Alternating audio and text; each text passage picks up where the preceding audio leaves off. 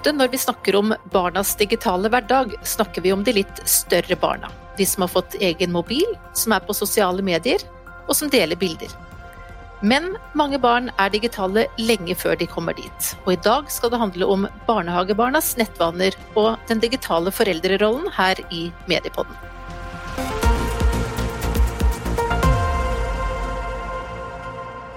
Mange barn kommer i kontakt med internett og digitale duppeditter tidlig i livet. Det viser nye tall fra Medietilsynet. Vi har spurt foreldre med barn i barnehagealder, altså fra ett til fem år, om barnas bruk og erfaring med digitale medier. Og svarene er oppsummert i rapporten Småbarn og medier.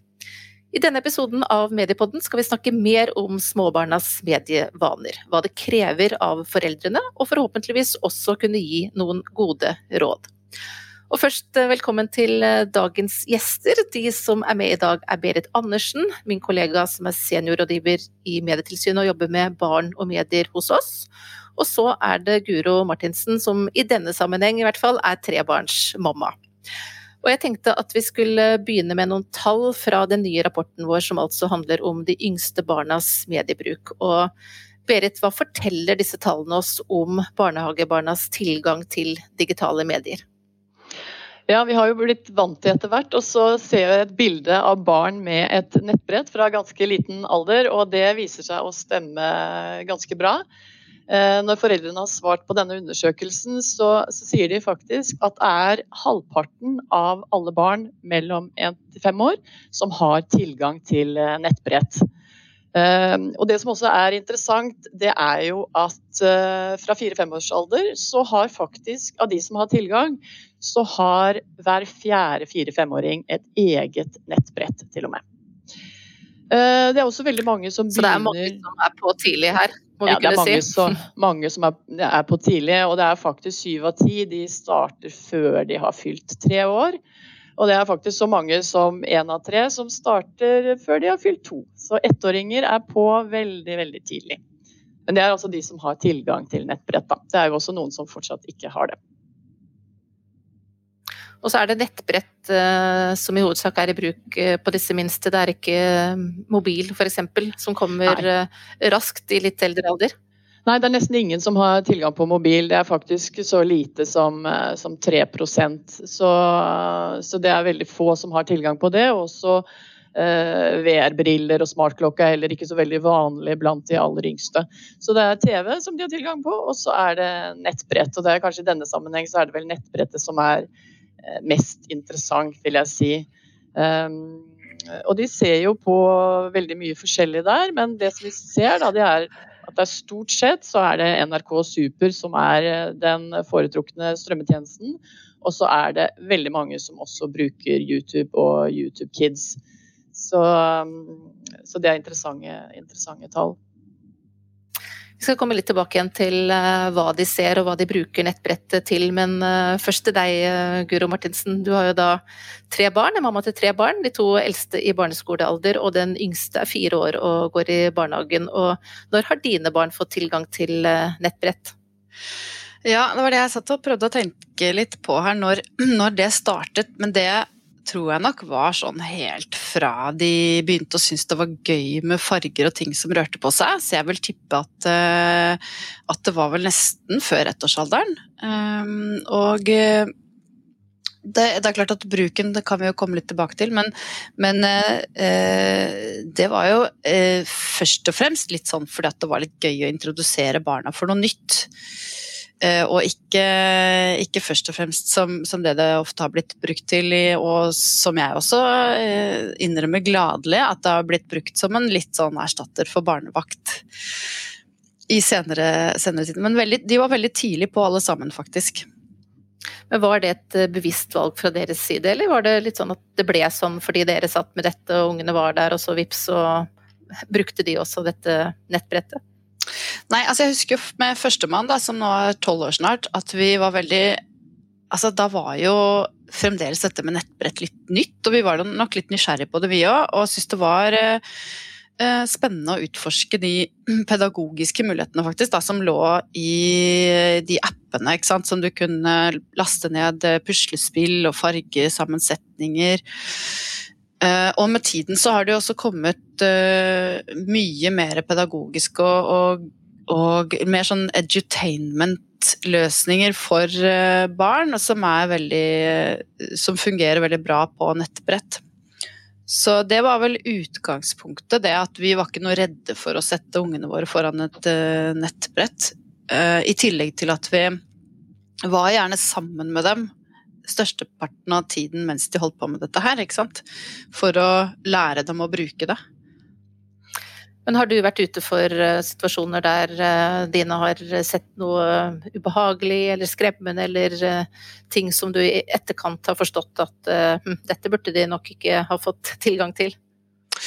Ja, og jeg satt og tenkte litt på det. ikke sant? Hva er det som er forskjellen på Emilie som er fire, og Carl William som er tolv, og Herman som er ti? Er, forskjellen er jo at de er jo så mye mer selvstendige nå. ikke sant? De eldste guttene. At de har nok, og veldig mye flinkere teknisk, og det er selvfølgelig eh, Jeg holdt på å si det er sånn tveget sverd, ikke sant. Når de introduserer barna dine for teknologi, så sitter de der og plutselig kan mer enn deg.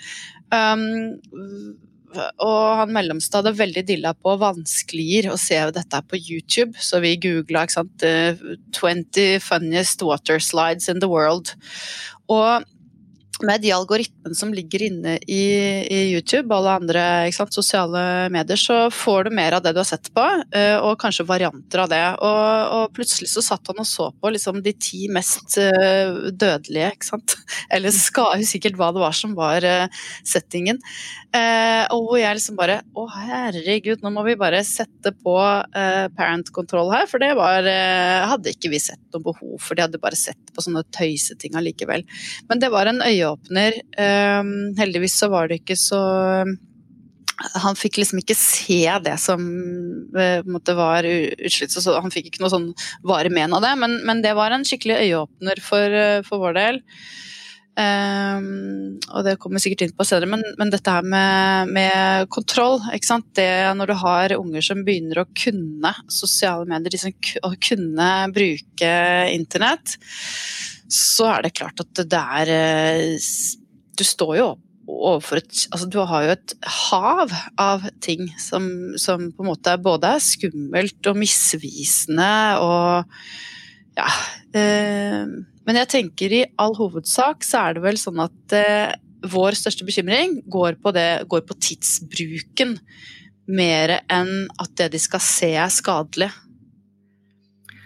Berit, du sa jo litt innledningsvis om uh, hva barna ser. Uh, at det er mange som ser på NRK, men YouTube er jo også noe som er mye brukt. Um, si litt mer om hvilke type innhold som barn i denne alderen, altså ett til fem år, i hovedsak oppsøker når de da er på nett. Ja, Vi har jo spurt spesifikt om hva barna ser på YouTube, blant de som da gjør det. Og da er det helt klart, det er jo tegneserier som er det, det, største. Det er jo så godt som alle, eller i hvert fall oppi 90% Så det er helt klart det største det de velger å se på.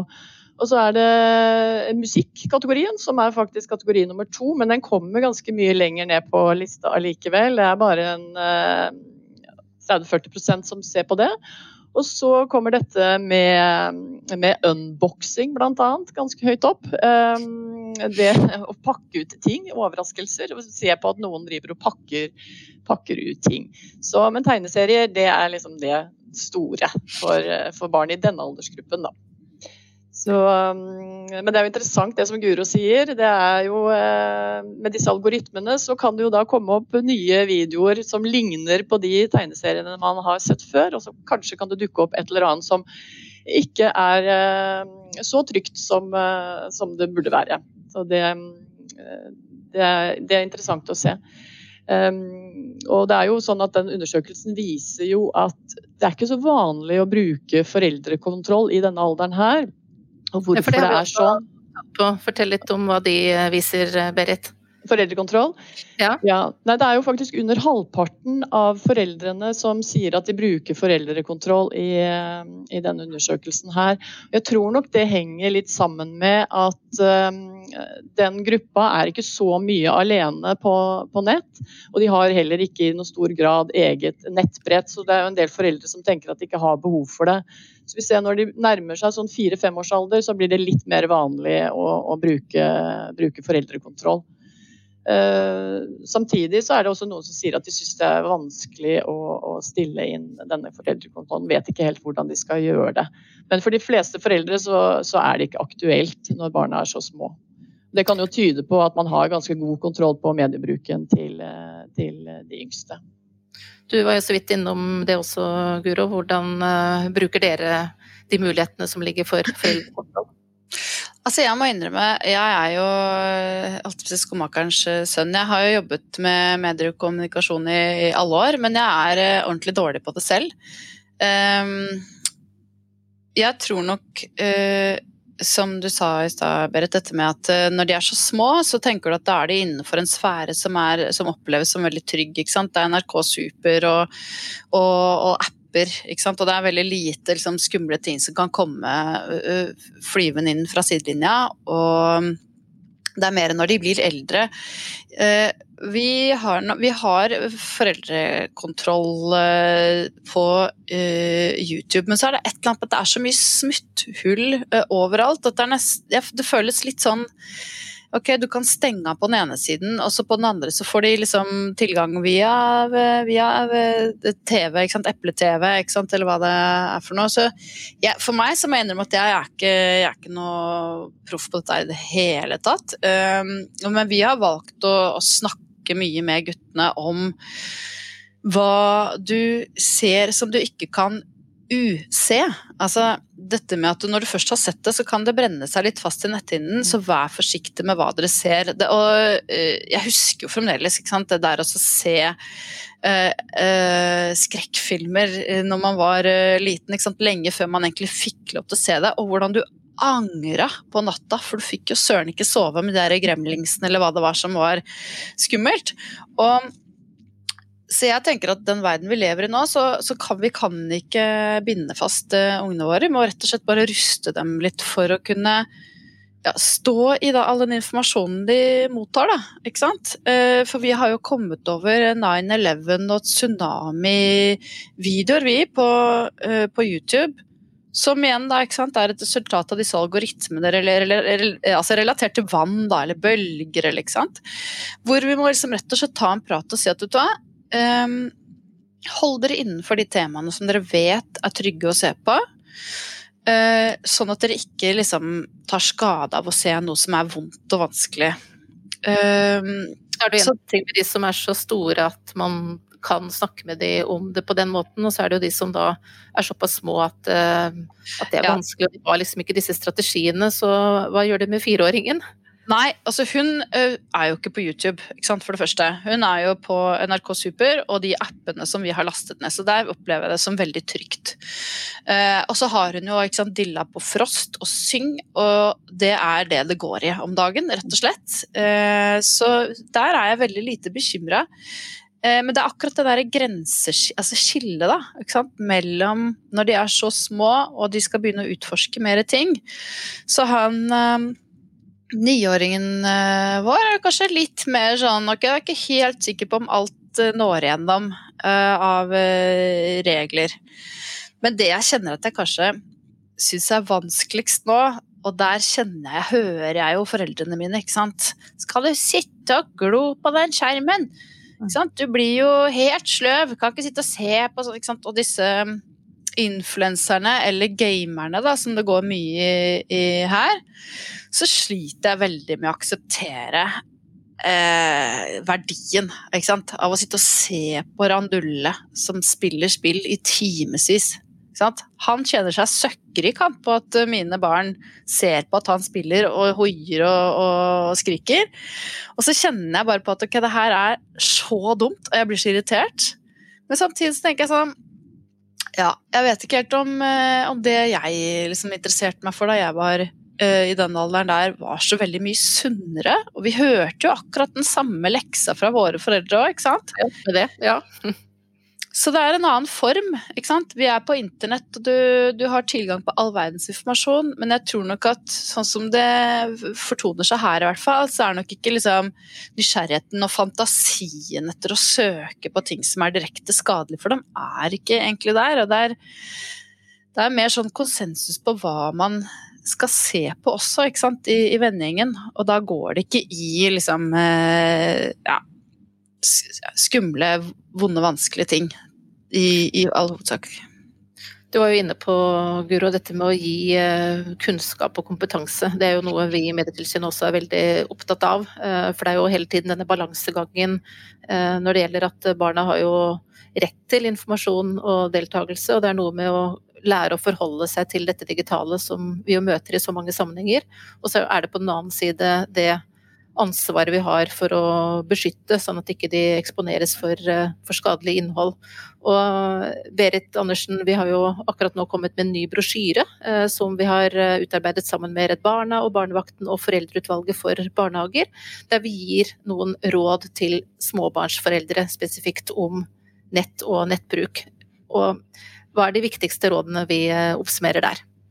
Det er jo veldig mange viktige råd, egentlig. Nå er det jo sånn at uh, Jeg tror denne foreldregruppa kan veldig mye og vet uh, også veldig godt uh, hvordan de skal forholde seg til dette. Men det er noen som er usikre. Og da har vi utviklet denne veilederen da, som, som, kan gi noen tips på, på veien. Um, og når vi snakker om de helt, helt, yngste her, så er det klart at da må vi prøve å balansere bruken. Det er vi jo litt opptatt av. Det er et råd som vi gir dette med at eh, foreldre deltar aktivt i eh, den mediebruken som barna har. At man sitter sammen, at det blir et sosialt samspill rundt det å, å, eh, å være på nett. At man ikke bare sitter alene. For det er klart at hvis, Da blir man mer oppmerksom på hva barnet tåler og liker. Og, og sånn, og Det blir lettere også å kunne si fram ting hvis noe skulle være skummelt og dukke opp når man da sitter alene. Så er det jo dette med balanse med tid, som også Guro var inne på. Da. Nå er det jo sånn at Verdens helseorganisasjon de anbefaler jo ikke noe særlig eh, nettbruk i det hele tatt for barn under to år. Um, og sier jo at én time om dagen fra to-tre års alder, eh, og da gjerne i samspill med voksne, vi er ikke så sikre på at det er nødvendigvis et helt spesifikt råd som foreldre bør følge, for det er så store forskjeller i familiene. Men man må finne denne balansen som passer for sin familie. Da.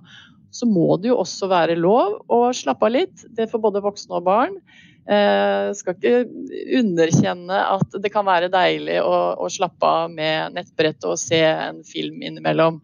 Men det skal ikke være en barnevakt hele tiden. Så, så, balanse er vel stikkordet her, tenker jeg, som eh, kanskje det viktigste rådet vi kan, kan gi. Guro, opplever du at det er andre ting som er utfordrende med fireåringens eh, nettbruk enn eh, med de som da har blitt litt eldre? Nei, jeg gjør egentlig ikke det. Jeg, tenkte akkurat på det nå at uh, veldig ofte nå, altså nå er jo hun tredjemann, ikke sant, og har veldig mye mer nettbruk sammen med brødrene sine. Uh, så hun er egentlig aldri alene når hun ser på, på, på iPaden. Um, og jeg tenkte på det i stad, at det der med barnevakt um, litt, du må velge litt hva slags barnevakt du velger å plassere barna dine med. For du kan ha den veldig passifiserende eh, litt sånn dårlig stimulin. eh, eller så kan du ha den aktiviserende barnevakten. Og vi har nok hatt litt mer fokus på det når de har vært små. At de har gjort liksom, At de har hatt eh, ting som de syns har vært morsomt å pusle med. Ikke sant? Sånn som f.eks. Eh, Fantorangen-appen til, eh, til, NRK Super, hvor du kan gå inn og pusse tenner og vaske. Og det er litt eh, fokus på det at eh, de skal eh, lære noe, og at de er aktive. For det tror jeg kanskje vi kan liksom Den derre frykten frykten for, eh, for, skjerm tror jeg henger i veldig stor grad sammen med dette med at barna blir passive, og at ikke de liksom eh, foretar seg noe. Eh, så der må vi nok kanskje skille litt. Jeg vet ikke hvordan det er gjort i, rapporten, om man skiller på type innhold. Men det er jo der iPaden er så genial, fordi den faktisk er lagd for en interaksjon. I motsetning til en vanlig TV-skjerm.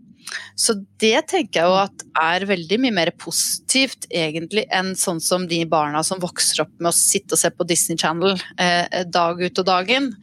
Um, så jeg tenker at det er, det er bra, og, og, og så syns jeg også at det har vært mye mer fokus på dette med eh, en, et sunt forhold da, til mediebruk hos små barn enn hva det var da min første ble født. Ja, har det vært en uh, utvikling på, på mange ja. måter? Ja, i veldig stor grad, vil jeg si. Uh, det var jo veldig lite snakk om, om annet enn at å, hjelp, hjelp, liksom, da det kom.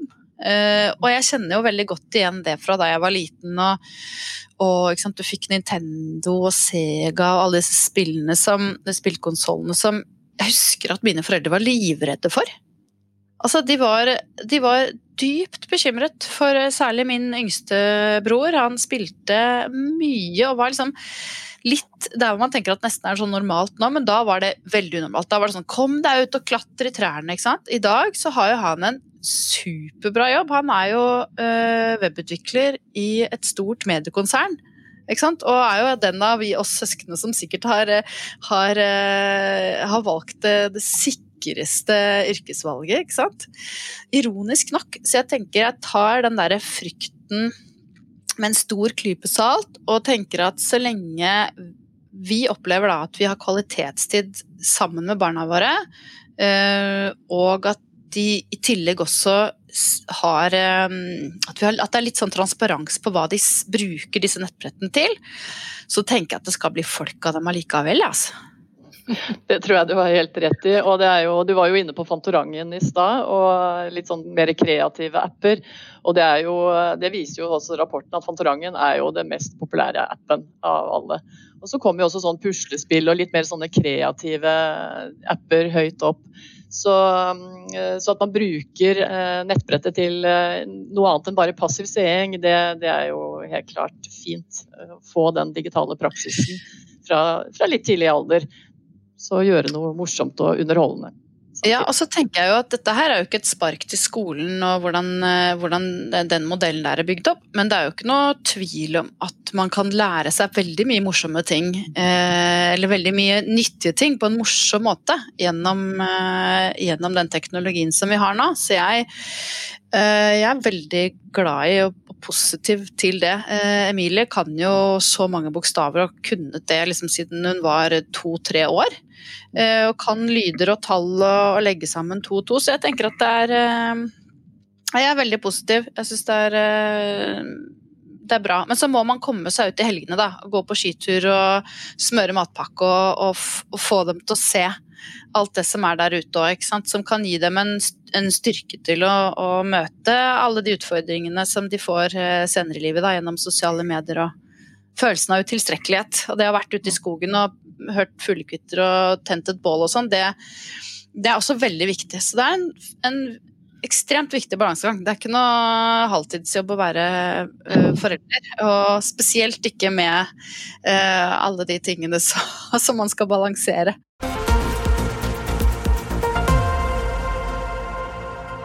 Tusen takk til kollega Berit Andersen i Medietilsynet og til Guro Martinsen. Og da skal vi ta en tur til Kongsvinger, der Ellen B. Skauby er helsesykepleier. Og det betyr, Ellen, at du eh, jobber med foreldreveiledning via helsestasjonen og kommer i kontakt med foreldre med barn i nær sagt alle aldre. Eh, og i hvilken grad er nettbruk tema når du snakker med foreldre til de minste barna? Det er jo en naturlig del av samtalen vi har på helsestasjonen. Eh, når vi har, eh, eh, når vi har disse konsultasjonene hvor de kommer med barna sine, så er det en bit under samspillet, da. For det er jo det vi snakker om. Hvordan samspillet blir påvirket av, av, av skjermbruk og skjermtid. For dess mer barna bruker på skjermen, eh, og dess mer tid foreldrene bruker på skjermen, dess mindre tid vil jo barn og, eller foreldre og barn få sammen. Da. Så det er under temaet samspill at vi tar opp det. Så det er en naturlig, naturlig del av samtalen. Og hva er ditt inntrykk eh, da? Er det mange som lar barna slippe til eh, på nett fra de er helt små? Ja, det vil jeg si at det er, det er vanlig å ha lett tilgang til nett og eh, til filmer og, og, underholdning via skjerm. Da. Og det kan jo da være enten mobiltelefon eller nettbrett eller da TV som vi ser at det er mer og mer vanlig. Og vi ser jo også når vi er på hjemmebesøk at eh, det er veldig vanlig at TV-en står på når vi kommer på besøk. Hva tenker du om eh, den eh, nettbruken du ser blant eh, disse minste barna? Er det positivt at de tidlig kommer i kontakt med teknologien og får lærespill og sånn type ting, eller er dette enkle barnevakter og at det blir for mye tid foran skjermen? Jeg tror det er litt av begge deler. Det er jo klart at det er fordeler ved at barna blir gode på, eh, til, altså, på hvordan de finner informasjon. og Det å kunne navigere rundt omkring i digitale medier er jo heller ikke dumt når de blir eldre. Men vi ser jo at det er veldig små barn som har tilgang og ikke helt forstår det som de ser. Da. Og når de da eh, mange sitter alene med, med, det de ser på, så kan det jo være vanskelig for dem å tolke det. Fordi de er jo ikke ferdig utviklet i det hele tatt. Og, så vi pleier å anbefale at man ser og gjør ting sammen, sånn at foreldrene kan hjelpe barna med å forstå hva de ser, og også kunne hjelpe dem hvis de ser noe som kanskje de syns er skummelt. Så vil jo foreldre kunne plukke opp det veldig raskt på ansiktsuttrykket til barna sine. Da. Men eh, både fordi barna sitter en del på skjerm, og fordi foreldrene sitter på sin egen skjerm, så, uh, så, har de ikke det naturlige samspillet som de kan ha med felles ting. Så vi er jo ikke imot at man skal bruke skjerm, og skjerm som avkobling er jo uh, behagelig for alle. Uh, men det er kanskje måten vi bruker det, at det er lurt å bruke det sammen når de er små. Og så følger jo vi også WHO sine retningslinjer, som, er, som ble oppdatert i 2018 eller 2019. Eh, hvor, eh, hvor, det da gikk ut med at det ikke anbefalte skjermbruk i det hele tatt for barn under ett år, og i liten grad over ett år under fire eller fem år. Så det, det er veldig vanskelig å gå ut og være helt bastant og si at ingenting. Det tror jeg heller ikke er mulig i dagens eh, samfunn og familie, altså tidsklemma og sånn. Men, men eh, vi følger jo de retningslinjene og forteller jo om dem. Og så er det noe med det at enhver familie skal finne sin hva som funker hjemme hos dem, da. Hva er det foreldre selv tar opp rundt eh, dette temaet når de snakker med dere? Eh, det er, er om det er farlig.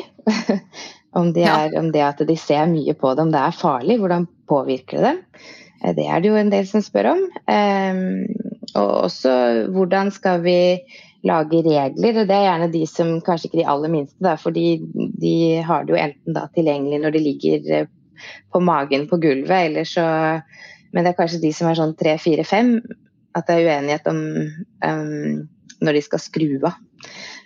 Og også når de skal bruke det, da. Hvor ofte de får lov til å bruke det. Og, ja, så vi spør gjerne om litt råd rundt det. da. Hvordan de skal lage avtaler med barna sine. Få hjelp. Noen, noen gir du da? Nei, Nei da, da, sier vi jo anbefalingene som finnes der ute. Og så, så sier vi ofte det at um, å gjøre avtaler på forhånd vil alltid gjøre det lettere å kunne skru av noen ting etterpå. Hvis du sier til et barn at nå setter jeg på denne ringeklokka her, og når den ringer, da skal vi skru på og finne på noe annet sammen, så er det jo mange barn som aksepterer det. Men alle barn er jo glad i å kunne forberede seg på ting. Altså, og hvis de er midt inne i et spill og mamma kommer og bare drar ut iPaden, så er det jo ikke rart at eh, barnet blir kjempefrustrert. fordi selv om mamma har sagt fra fire ganger før at nå skal vi snart, så, så tenker jo ikke de på det hvis de er midt i spillet. Så vi ser at det er en del konflikt der, og da er det mange som trenger hjelp da, med å finne kloke måter å løse det på. Mm. Ser du um, at barna blir yngre når de får tilgang til nett i forhold til det det var tidligere i den kontakten du har med foreldre? Ja, det, det ser vi jo Um, det ser vi jo, men det er jo altså, Nå må jeg også si at det er jo ikke hjemme hos alle at det er sånn, men det er hjemme hos noen hvor du ser mye bruk, og så hos andre hvor det er lite bruk. Og så har du en sånn mainstream. Men jeg vil jo si at det er vanligere å se babyer pille på mobilene til foreldrene sine nå enn hva det var før. da. Naturlig nok, for vi er jo også mye mer på telefonen sjøl, altså vi som foreldre vi piller mer, og da lærer jo barna vaner fra oss, da. Så hvis mobilen eller nettbrettet eller TV-en er en naturlig del av vårt liv, så vil det jo helt naturlig bli en naturlig del av barnas liv. Så ofte så sier vi noe om at hvis man skal endre nettvaner, skjermvaner, så må man jo endre for hele familien. Eh, for da er det lettere å, å, gjøre noe med det enn hvis du skal endre for noen. For barn er ekstremt opptatt av rettferdighet og likhet, og de klarer ikke helt å se forskjellen på barna og de voksne. Da. Så det kan være lurt å ha noen familieregler, sier vi. Ja. Mm. Hvilken rolle tenker du at dere helsesykepleiere kan ta i dette arbeidet med å ruste både barn og foreldre til å utvikle eh, gode digitale vaner? Jeg tenker jo Informasjon er jo eh, kjempeviktig. Eh, hvis vi kan gi informasjon til foreldre Vi kommer jo så tidlig i kontakt med familiene. Og vi tar det jo også opp på hjemmebesøk allerede, dette med skjermbruk. Og jeg tror det er der nøkkelen ligger. da. Hvis foreldre har god informasjon om hvordan det er eh, og, og, kan påvirke barna, så tror jeg de tar gode valg for barna sine. Altså. Fordi foreldre er, er veldig glad i ungene sine og vil gjøre ting som er bra for dem. Så med informasjon og med gode, enkle altså, eh, infofoldere f.eks., så tror jeg at det vil hjelpe mye for foreldrene å ta gode valg. Da. Også når de blir litt eldre, så tror jeg det at på skolene f.eks. at vi går ut og snakker på foreldremøtene om hvordan det påvirker barna. Eh, hvordan digitale medier generelt påvirker barna, det tror jeg også er veldig viktig. Å snakke med barna direkte. Inne i klasserommene eller inne i grupper eller ja. Og det er også på helsestasjonen. Vi har jo flere grupper Når det ikke er korona, så har vi gruppekonsultasjoner, og der også tas jo dette opp og snakkes om som tema allerede i barselgruppene. Så jeg tror det er måten å, å nå ut til dem. Fordi foreldre flest tar jo veldig gode valg for barna sine. Hva er det viktigste, tenker du, at eh, foreldre bør være oppmerksomme på når det gjelder eh, disse minste barna og nettbruk? ja, det er eh, egentlig ansiktsforståelse, mimikkforståelse Altså det å Det helt naturlige ansikt-til-ansikt-samspillet er så veldig, veldig viktig for barna for å utvikle eh, sin forståelse av verden. Og hvis de eh, har mye skjermtid, så får de ikke den responsen som de ville fått hadde de snakket med et levende menneske. Da.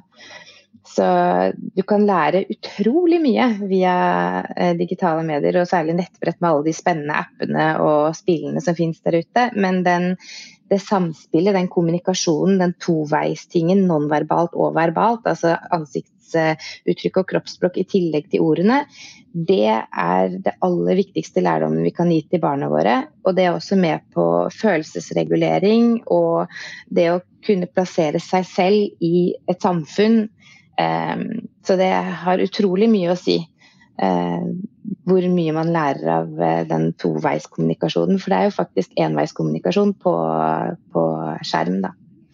Så det tror jeg nesten er, vil jeg si at er det viktigste informasjonen de må få vite. Da.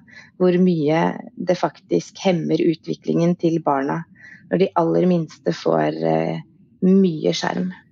Tusen takk til Ellen Dånes Skauby, som er helsesykepleier i Kongsvinger kommune. Vi har også hatt med oss Berit Andersen, seniorrådgiver i Medietilsynet, og Guro Martinsen, som er mamma til tre barn. Og dere som har lyst til å vite mer om småbarn og nettbruk, finner hele den nye rapporten vår på Medietilsynets nettsider. Der finner dere også vår nye veileder for småbarnsforeldre. Tusen takk for at dere hørte på. Jeg heter Mari Welsand og er direktør i Medietilsynet.